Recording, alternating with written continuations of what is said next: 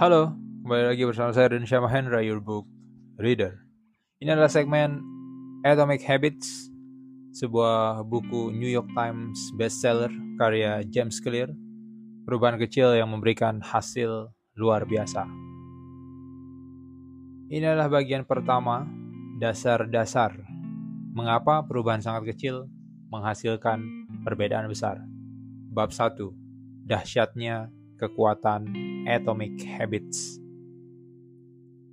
Nasib British Cycling berubah pada suatu hari dalam tahun 2003. Organisasi itu yang merupakan induk organisasi cabang olahraga sepeda profesional di Britania Raya baru saja merekrut Dave Brailsford sebagai direktur performa yang baru. Pada waktu itu, pembalap sepeda profesional di Britania Raya telah mengalami hampir 100 tahun dalam prestasi yang sedang-sedang saja. Sejak 1908, pembalap-pembalap Inggris hanya memenangkan satu medali emas di ajang Olimpiade. Dan prestasi mereka bahkan lebih buruk lagi di lomba balap sepeda paling akbar, Tour de France dalam 110 tahun. Tidak ada pembalap Inggris yang pernah memenangkan ajang tersebut. Bahkan, prestasi pembalap Inggris begitu tenggelam sehingga pabrik sepeda terbaik di Eropa menolak menjual sepeda kepada tim itu karena takut berpengaruh buruk pada penjualan sepedanya seandainya pembalap-pembalap profesional lain melihat atlet-atlet Inggris memakai produk tersebut. Brailsford direkrut untuk membawa British Cycling ke arah baru. Yang membuatnya berbeda dari pelatih-pelatih terdahulu adalah komitmennya yang tiada henti terhadap strategi yang ia sebut penghimpunan perolehan kecil, yang merupakan falsafah pencarian margin peningkatan sangat kecil dalam segala sesuatu yang Anda kerjakan.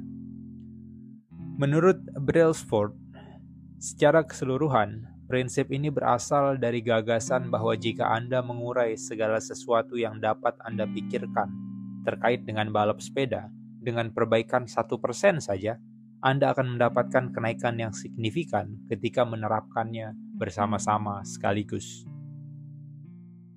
Falls dan pelatih-pelatihnya mulai dengan membuat penyesuaian-penyesuaian kecil yang bisa diharapkan dari tim pembalap sepeda profesional. Mereka merancang ujung jok sepeda agar lebih nyaman dan mengoleskan alkohol agar alkohol agar pada ban agar cengkramannya lebih baik. Mereka meminta para pembalap memakai celana pendek dengan pemanas listrik guna mempertahankan suhu otot sewaktu bersepeda dan menggunakan sensor-sensor biofeedback untuk memonitor reaksi-reaksi tiap atlet terhadap suatu latihan. Tim menguji bermacam-macam bahan di terowongan angin dan meminta pembalap-pembalap jalan raya beralih mengenakan kostum balap indoor yang terbukti lebih ringan dan aerodinamis. Akan tetapi, mereka tidak berhenti di situ. Brailsford dan timnya terus berburu perbaikan-perbaikan satu persen di bagian-bagian yang terlewatkan atau tak terduga. Mereka menguji bermacam-macam gel pijat untuk melihat mana yang menghasilkan pemulihan otot yang paling cepat mereka membayar seorang dokter untuk mengajari tiap pembalap cara terbaik mencuci tangan guna mengurangi peluang terkena virus influenza. Mereka menentukan jenis bantal dan kasur yang memungkinkan tidur lebih nyenyak bagi tiap pembalap. Mereka bahkan mengecat bagian dalam truk tim dengan warna putih yang memudahkan mereka melihat debu-debu kecil yang biasanya tidak langsung terdeteksi padahal beresiko menurunkan performa sepeda yang telah di-setel dengan baik. Ketika perbaikan-perbaikan ini berikut ratusan perbaikan kecil lainnya diakumulasikan, hasilnya datang lebih cepat daripada yang pernah dibayangkan. Hanya lima tahun sejak Brailsford direkrut, tim British Cycling mendominasi baik balap sepeda jalan raya maupun sirkuit di ajang Olimpiade 2008 di Beijing tempat mereka secara dahsyat memenangkan 60% dari total medali emas yang diperebutkan. Empat tahun kemudian, ketika Olimpiade diselenggarakan di London, atlet-atlet Inggris menaikkan batas minimal prestasi mereka dan membuahkan 9 rekor Olimpiade serta 7 rekor dunia. Pada tahun yang sama, eh, Bradley Wiggins menjadi atlet balap sepeda Inggris pertama yang memenangkan Tour de France Tahun berikutnya, teman satu timnya, Chris Froome, memenangkan lomba itu dan terus menang lagi pada 2015, 2016, dan 2017 yang membuat tim Inggris meraih 5 kemenangan Tour de France dalam 6 tahun. Selama rentang 10 tahun dari 2007 sampai 2017, pembalap sepeda Inggris memenangkan 178 kejuaraan dunia dan 66 medali emas Olimpiade atau Paralimpik dan meraih 5 kemenangan Tour de France yang oleh kalangan luas dipandang sebagai prestasi paling sukses dalam sejarah balap sepeda. Bagaimana ini terjadi? Bagaimana suatu tim yang sebelumnya hanya sekumpulan atlet biasa berubah menjadi juara dunia melalui perubahan-perubahan sangat kecil yang sepintas? Paling-paling hanya akan menghasilkan perubahan sekadarnya Mengapa perbaikan-perbaikan kecil berakumulasi menjadi hasil-hasil yang begitu menakjubkan? Dan bagaimana Anda dapat meniru pendekatan ini dalam hidup Anda sendiri? Mengapa perubahan kecil menghasilkan perbedaan besar? Mudah sekali memberikan taksiran berlebihan atas pentingnya suatu momen yang menentukan dalam membuat taksiran nilai terlalu rendah atas upaya membuat perbaikan-perbaikan kecil yang dilakukan setiap hari Seringkali kita meyakinkan diri bahwa kesuksesan yang masif menuntut aksi yang masif pula. Entah menurunkan berat badan, membangun bisnis, menulis buku, memenangkan kejuaraan atau meraih sasaran lain. Kita memberi diri sendiri beban untuk membuat perubahan yang akan mengguncang bumi dan menjadi bahan perbincangan semua orang. Sementara itu, perbaikan satu persen, sesuatu tak terlalu terasa, kadang malah tak terlihat, Padahal perbaikan itu dapat jauh lebih bermakna, terutama dalam jangka panjang. Perubahan dari suatu perbaikan sangat kecil tapi berlanjut dalam waktu lama bisa sangat dahsyat. Berikut penjelasan matematikanya. Jika Anda bisa menjadi satu persen lebih baik setiap hari dalam setahun, akhirnya Anda akan 37 kali lebih baik pada penghujung tahun. Sebaliknya, jika Anda satu persen lebih buruk setiap hari dalam setahun, anda akan menurun hampir menjadi nol yang berawal dari satu kemenangan kecil atau satu kemunduran remeh dapat terakumulasi menjadi jauh lebih besar. Kebiasaan adalah bunga majemuk dalam perbaikan diri, sama halnya dengan uang yang menjadi berlipat-lipat karena bunga majemuk. Pengaruh kebiasaan menjadi berlipat-lipat sewaktu Anda mengulang-ulang kebiasaan itu. Perubahan yang dihasilkan pada suatu hari tertentu mungkin terkesan kecil, tapi dampak yang terjadi setelah berbulan-bulan dan bertahun-tahun kemudian bisa dahsyat. Ketika kita menengok ke belakang, 2, 5, atau barangkali 10 tahun kemudian, nilai kebiasaan yang baik dan kerugian akibat kebiasaan buruk menjadi luar biasa nyata. Dalam kehidupan sehari-hari, konsep ini mungkin sulit dianggap baik. Kita sering mengabaikan perubahan-perubahan kecil karena terkesan tidak begitu penting saat itu. Jika Anda menabung sedikit uang sekarang, Anda belum menjadi jutawan. Jika Anda pergi ke sasana kebugaran tiga hari berturut-turut, bentuk tubuh Anda belum berubah. Jika Anda belajar bahasa Mandarin selama empat jam malam ini, Anda belum berhasil menguasai bahasa itu. Kita melakukan sejumlah perubahan, tapi hasilnya tidak pernah langsung terlihat. Jadi, kita mudah kembali ke rutinitas semula. Sayangnya, Laju transformasi yang lambat juga memudahkan kita membiarkan kebiasaan buruk tetap terjadi. Jika Anda makan makanan yang tidak sehat hari ini, timbangan Anda memang tidak langsung naik banyak. Jika Anda bekerja sampai larut malam ini dan mengabaikan keluarga, mereka akan memaafkan Anda. Jika Anda menunda kewajiban dan membiarkan proyek Anda tidak dikerjakan sampai besok, biasanya masih ada waktu untuk menyelesaikannya kemudian. Suatu keputusan tunggal mudah dibatalkan. Namun, ketika kita mengulang satu persen kesalahan hari demi hari, dengan mengulang keputusan-keputusan buruk, mengulang kesalahan-kesalahan yang sangat kecil, dan merasionalisasi alasan-alasan kecil, pilihan-pilihan kecil kita mengalami proses bunga majemuk sampai menjadi racun. Akumulasi banyak salah langkah inilah satu persen penurunan di sini dan di sana yang akhirnya mengantar ke masalah. Dampak yang terjadi akibat suatu perubahan dalam kebiasaan Anda mirip pengaruh pengubahan arah pesawat meskipun hanya beberapa derajat. Bayangkan Anda sedang terbang dari Los Angeles ke New York City. seandainya seorang pilot meninggalkan LAX, kode untuk Bandara Internasional Los Angeles, lalu mengubah arah 3,5 derajat saja lebih ke selatan, Anda akan mendarat di Washington DC, bukan di New York. Perubahan kecil seperti itu hampir tak terlihat sewaktu tinggal landas. Hidung pesawat bergeser tak sampai 3 meter, tapi untuk skala perpindahan yang meliputi Amerika Serikat, tempat mendarat Anda akan meleset ratusan kilometer. Begitu pula, suatu perubahan kecil dalam kebiasaan sehari-hari dapat membuat Anda tiba di sasaran yang sangat berbeda, membuat pilihan yang satu persen lebih baik atau satu persen lebih buruk terkesan tak bermakna pada suatu saat. Tapi, dalam rentang waktu panjang, pilihan-pilihan tersebut menentukan perbedaan antara siapa Anda sekarang dan siapa Anda nanti. Sukses adalah produk kebiasaan sehari-hari, bukan transformasi yang hanya sekali seumur hidup.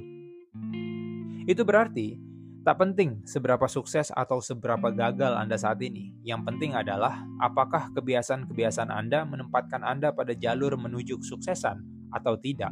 Anda harus jauh lebih peduli pada arah tujuan Anda saat ini daripada hasil-hasil saat ini.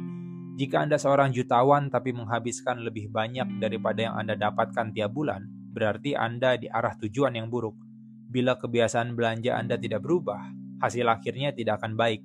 Sebaliknya, jika Anda sedang bangkrut tapi menabung sedikit demi sedikit setiap bulan, Anda berada di jalur di jalur yang benar menuju kemerdekaan finansial. Bahkan meskipun Anda bergerak lebih lambat dari apa yang Anda inginkan. Hasil-hasil Anda menunjukkan ukuran yang mengikuti kebiasaan-kebiasaan Anda. Kekayaan bersih Anda menunjukkan ukuran yang mengikuti kebiasaan-kebiasaan finansial Anda. Bobot tubuh Anda menunjukkan ukuran yang mengikuti kebiasaan makan Anda. Pengetahuan Anda merupakan ukuran yang mengikuti kebiasaan belajar Anda. Seberapa rapi rumah Anda menunjukkan tingkat kebiasaan Anda dalam hal beres-beres rumah. Anda mendapatkan apa yang selalu Anda ulangi. Jika ingin meramalkan ke mana tujuan Anda dalam hidup, yang harus Anda lakukan hanyalah mengikuti kurva keberhasilan-keberhasilan kecil atau kegagalan-kegagalan kecil lalu melihat bagaimana hasil pilihan Anda sehari-hari setelah 10 atau 20 tahun. Apakah Anda membelanjakan lebih sedikit daripada yang Anda dapatkan tiap bulan? Apakah Anda memastikan pergi berolahraga tiap pekan? Apakah Anda membaca buku dan belajar sesuatu yang baru tiap hari? Pertarungan-pertarungan kecil seperti inilah yang akan menentukan masa depan Anda. Waktu memperbesar margin antara kesuksesan dan kegagalan waktu akan melipat gandakan apa pun yang Anda masukkan. Kebiasaan baik menjadikan waktu sahabat Anda, kebiasaan buruk menjadikan waktu musuh Anda. Kebiasaan itu seperti sebilah pedang yang tajam di kedua sisi. Kebiasaan buruk dapat menebas Anda dengan mudah, sebagaimana kebiasaan baik dapat membentuk Anda. Itu sebabnya pemahaman atas hal ikhwal kebiasaan sangatlah penting. Anda perlu mengetahui cara kerja kebiasaan dan cara merancangnya sesuai keinginan Anda agar dapat menghindari bahaya dari salah satu sisi tajam pedang Anda. Seperti apa kemajuan itu sesungguhnya? Bayangkan, Anda mempunyai balok es yang diletakkan di meja di depan Anda. Ruangan itu dingin dan Anda dapat melihat uap napas Anda. Temperatur saat ini minus 3,5 derajat Celcius. Meskipun pelan, ruangan mulai menghangat. Minus 3 derajat, minus 2,5, minus 2. Balok es di depan Anda masih ada. Minus 1,5, minus 1,1, minus 0,5. Masih belum terjadi apa-apa. Kemudian, 0 derajat, es mulai meleleh. Kenaikan temperatur setengah derajat ini tampaknya tidak berbeda dari kenaikan temperatur sebelumnya, tapi yang satu ini memicu perubahan besar. Peristiwa-peristiwa terobosan sering kali terjadi akibat banyak aksi sebelumnya yang menghimpun potensi sampai cukup untuk memicu perubahan besar. Pola ini terjadi di mana-mana. Kanker menghabiskan 80% hidupnya tanpa ketahuan dan tiba-tiba berhasil menguasai seluruh tubuh dalam hitungan bulan. Bambu hampir tak terlihat selama lima tahun pertama hidupnya karena sibuk membangun sistem akar yang kukuh di bawah tanah sebelum menjulang puluhan meter ke udara dalam rentang enam pekan. Begitu pula, kebiasaan sering kali muncul tanpa keistimewaan sampai Anda melewati suatu ambang batas kritis dan membuka pintu ketataran performa baru. Pada babak awal dan babak tengah, suatu proyek atau usaha sering kali ada yang disebut lembah kekecewaan. Anda berharap mendapatkan kemajuan dengan cara linear, jadi Anda bisa frustrasi ketika melihat perubahan terkesan tidak efektif dalam hari-hari pertama, minggu-minggu pertama, atau bahkan bulan-bulan pertama. Rasanya seolah Anda jalan di tempat. Itu ciri suatu proses yang menghimpun banyak hal. Hasil maksimalnya terpaksa tertunda. Berikut salah satu alasan pokok mengapa sulit sekali membangun kebiasaan yang awet. Orang membuat beberapa perubahan kecil, tapi tidak dapat melihat hasil nyata, jadi ia memutuskan berhenti. Menurut Anda, aku sudah lari pagi setiap hari selama sebulan, tapi kenapa aku tidak melihat perubahan apa pun pada tubuhku? Begitu pikiran seperti ini berkuasa, langkah berikutnya adalah menghentikan kebiasaan baik yang sudah dimulai. Namun, agar mendapatkan perubahan yang bermakna, kebiasaan perlu dipertahankan cukup lama untuk bisa membuat terobosan ketataran yang saya sebut dataran potensi laten.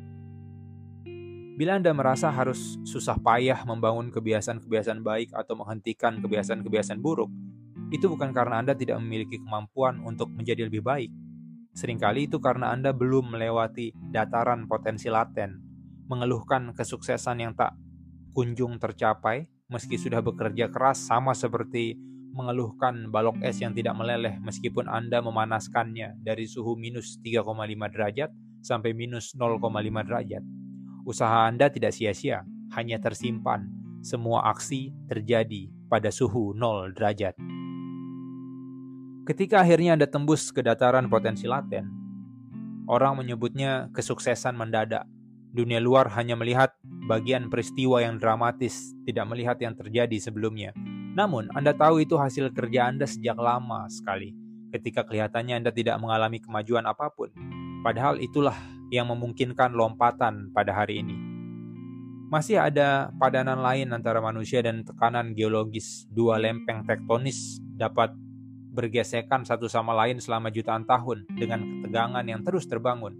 Kemudian, pada suatu hari, kedua lempeng itu bergesekan lagi, sama seperti yang telah terjadi selama berabad-abad. Tapi kali ini, ketegangannya sudah terlalu besar. Gempa terjadi. Perubahan dapat berlangsung bertahun-tahun sebelum pengaruhnya muncul sekaligus.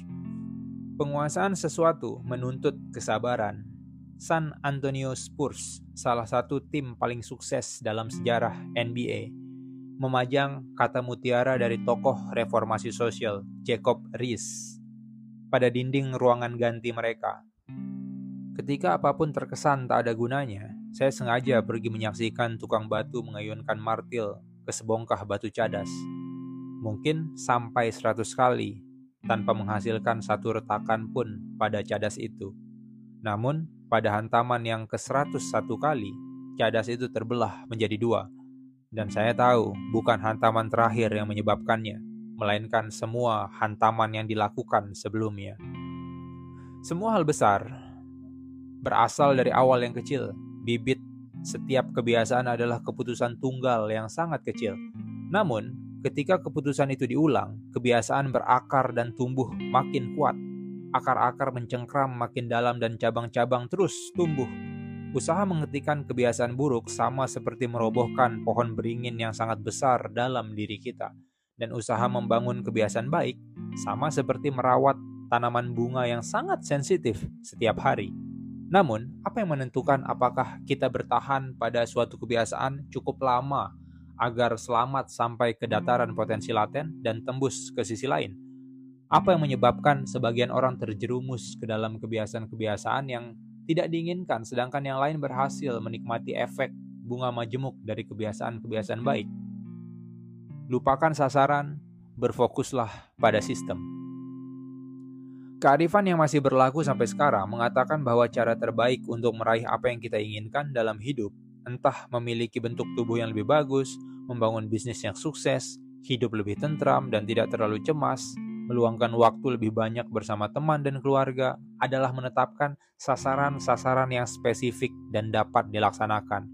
Untuk waktu yang lama, ini pula pendekatan yang saya pakai terkait dengan kebiasaan. Selalu ada sasaran yang harus diraih. Saya menetapkan sasaran-sasaran untuk nilai-nilai yang harus saya dapatkan di sekolah, untuk bobot yang ingin saya hilangkan melalui olahraga, untuk laba yang saya inginkan dalam bisnis. Saya berhasil pada beberapa, tapi gagal pada sebagian besar yang lain.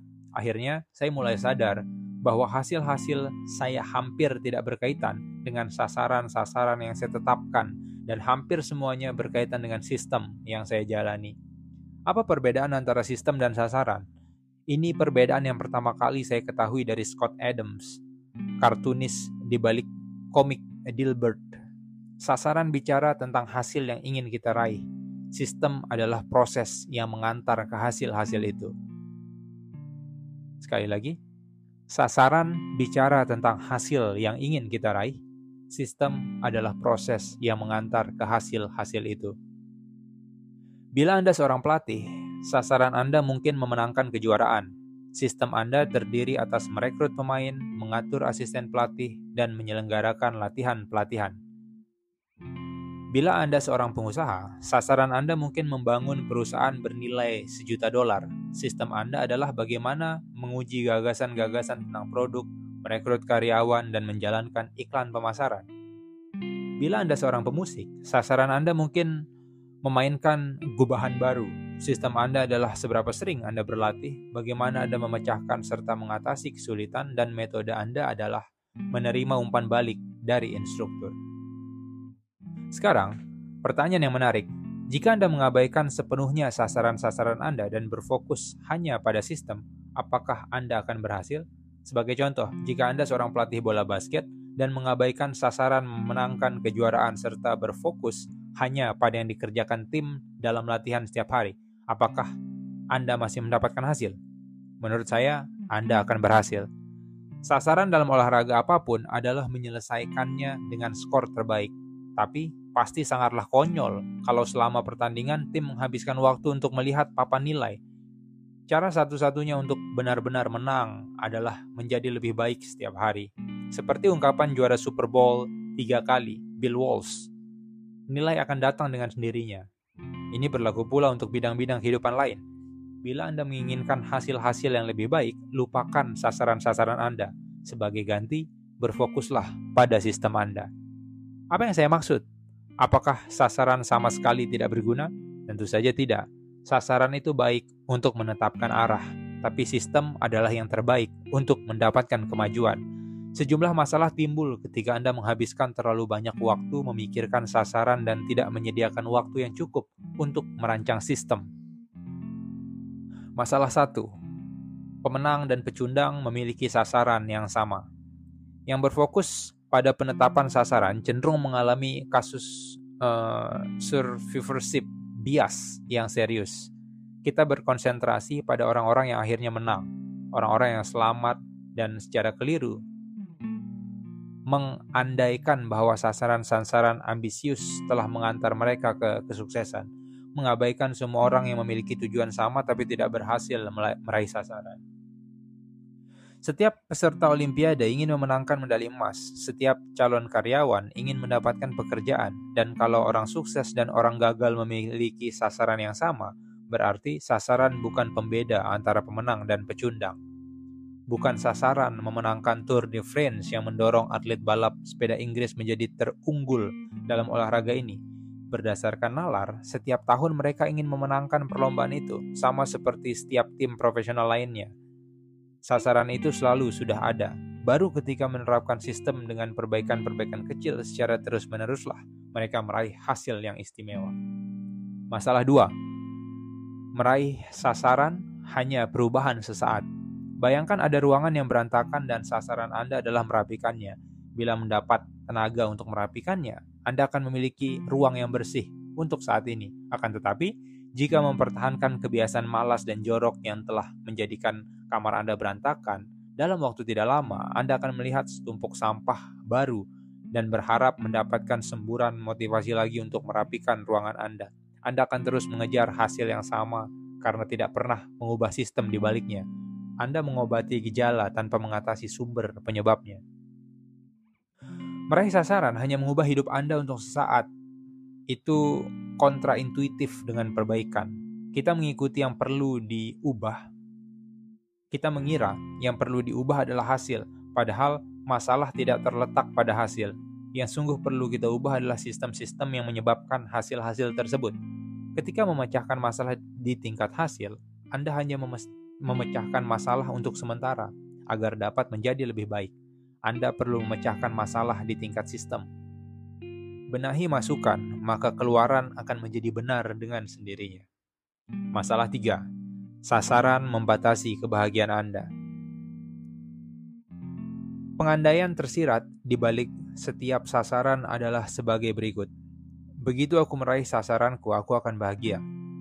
Masalah dalam mentalitas yang mendahulukan sasaran adalah Anda terus menjauhkan diri dari kebahagiaan sampai Anda beralih ke tonggak sasaran berikutnya. Saya berkali-kali dan tak terhitung banyaknya terperosok dalam jebakan ini. Selama bertahun-tahun, kebahagiaan selalu menjadi sesuatu yang ingin saya nikmati di masa mendatang. Saya berjanji pada diri sendiri bahwa begitu masa otot saya naik 10 kg atau setelah bisnis saya diulas di New York Times, saya baru akan beristirahat sejenak. Lebih lanjut, sasaran menciptakan konflik entah ini atau itu. Entah Anda meraih sasaran dan sukses atau Anda gagal dan merasa kecewa, Anda secara mental memasang kotak untuk mengurung diri dalam versi kebahagiaan yang sempit. Ini menyesatkan. Mustahil jalan Anda sesungguhnya dalam hidup akan tepat sesuai dengan apa yang ada di benak Anda ketika menetapkan suatu sasaran. Membatasi kepuasan anda berdasarkan satu skenario tidaklah masuk akal ketika ada banyak jalan lain yang dapat ditempuh untuk meraih kesuksesan. Mentalitas mendahulukan sistem menyediakan antidot untuk ini. Ketika Anda jatuh cinta pada proses, bukan pada produk, Anda tidak harus menunggu ketika ingin memberi kesempatan kepada diri sendiri untuk bahagia. Anda dapat merasa puas kapan pun ketika sistem Anda berjalan, dan sistem dapat menjadi sukses dalam banyak bentuk beragam tidak hanya yang pertama kali Anda bayangkan. Masalah 4. Sasaran tidak bersesuaian dengan kemajuan jangka panjang. Akhirnya, pola pikir berorientasi sasaran dapat menciptakan efek yoyo. Banyak atlet lari berlatih keras selama berbulan-bulan, tapi begitu berhasil melintasi garis finish, mereka berhenti berlatih. Lomba itu tak lagi menjadi motivasi mereka. Ketika semua kerja keras Anda difokuskan pada sasaran tertentu, apa yang tersisa untuk mendorong maju Anda setelah sasaran itu tercapai? Itulah sebabnya banyak orang kembali ke kebiasaan-kebiasaan lama setelah sesuatu sasaran tercapai. Tujuan menetapkan sasaran adalah memenangkan pertandingan. Tujuan membangun sistem adalah terus berprestasi dalam olahraga yang sama. Pemikiran jangka panjang yang sejati adalah berpikir dengan sedikit sasaran. Orang tidak bicara tentang kesuksesan tunggal, orang bicara tentang siklus perbaikan yang tiada akhir dan terus-menerus. Akhirnya, komitmen Anda terhadap proseslah yang akan menentukan kemajuan Anda. Sistem yang disebut atomic habits. Bila Anda merasa sulit mengubah kebiasaan, masalah bukan terletak pada diri Anda. Masalah ada pada sistem Anda Kebiasaan buruk berulang dan terus berulang bukan karena Anda tidak ingin berubah, tapi karena Anda memiliki sistem yang keliru untuk melakukan perubahan. Anda mencapai level sasaran, Anda jatuh di level sistem. Berfokus pada sistem keseluruhan, bukan sasaran tunggal, adalah salah satu tema pokok buku ini. Ini juga salah satu makna lebih dalam di balik kata atomic. Anda sekarang mungkin sadar bahwa atomic habit merujuk ke suatu perubahan sangat kecil, peralihan sangat remeh, perbaikan yang hanya satu persen. Namun, atomic habit bukan hanya kebiasaan-kebiasaan lama mana pun. Kendati kecil, atomic habit adalah kebiasaan-kebiasaan kecil yang merupakan bagian dari sistem yang lebih besar. Sama seperti atom-atom yang membentuk molekul, atomic habit adalah unsur pembentuk hasil-hasil yang luar biasa. Kebiasaan itu, seperti atom dalam hidup kita, Tiap kebiasaan merupakan satuan mendasar yang ikut membentuk perbaikan secara keseluruhan. Pada awalnya, rutinitas sangat kecil ini terkesan tak bermakna, tapi sejalan dengan waktu akan saling membangun dan menjadi bahan bakar untuk kemenangan-kemenangan lebih besar yang berlipat ganda sampai tingkat yang jauh lebih besar daripada biaya investasi awal. Atomic habit itu kecil sekaligus sangat besar Inilah makna frasa atomic habit. Praktik teratur atau rutin yang tak hanya kecil serta mudah dilaksanakan, tapi juga sumber kekuatan yang luar biasa, komponen sistem pertumbuhan dengan bunga majemuk. Sekian. See you on next episode. Bye.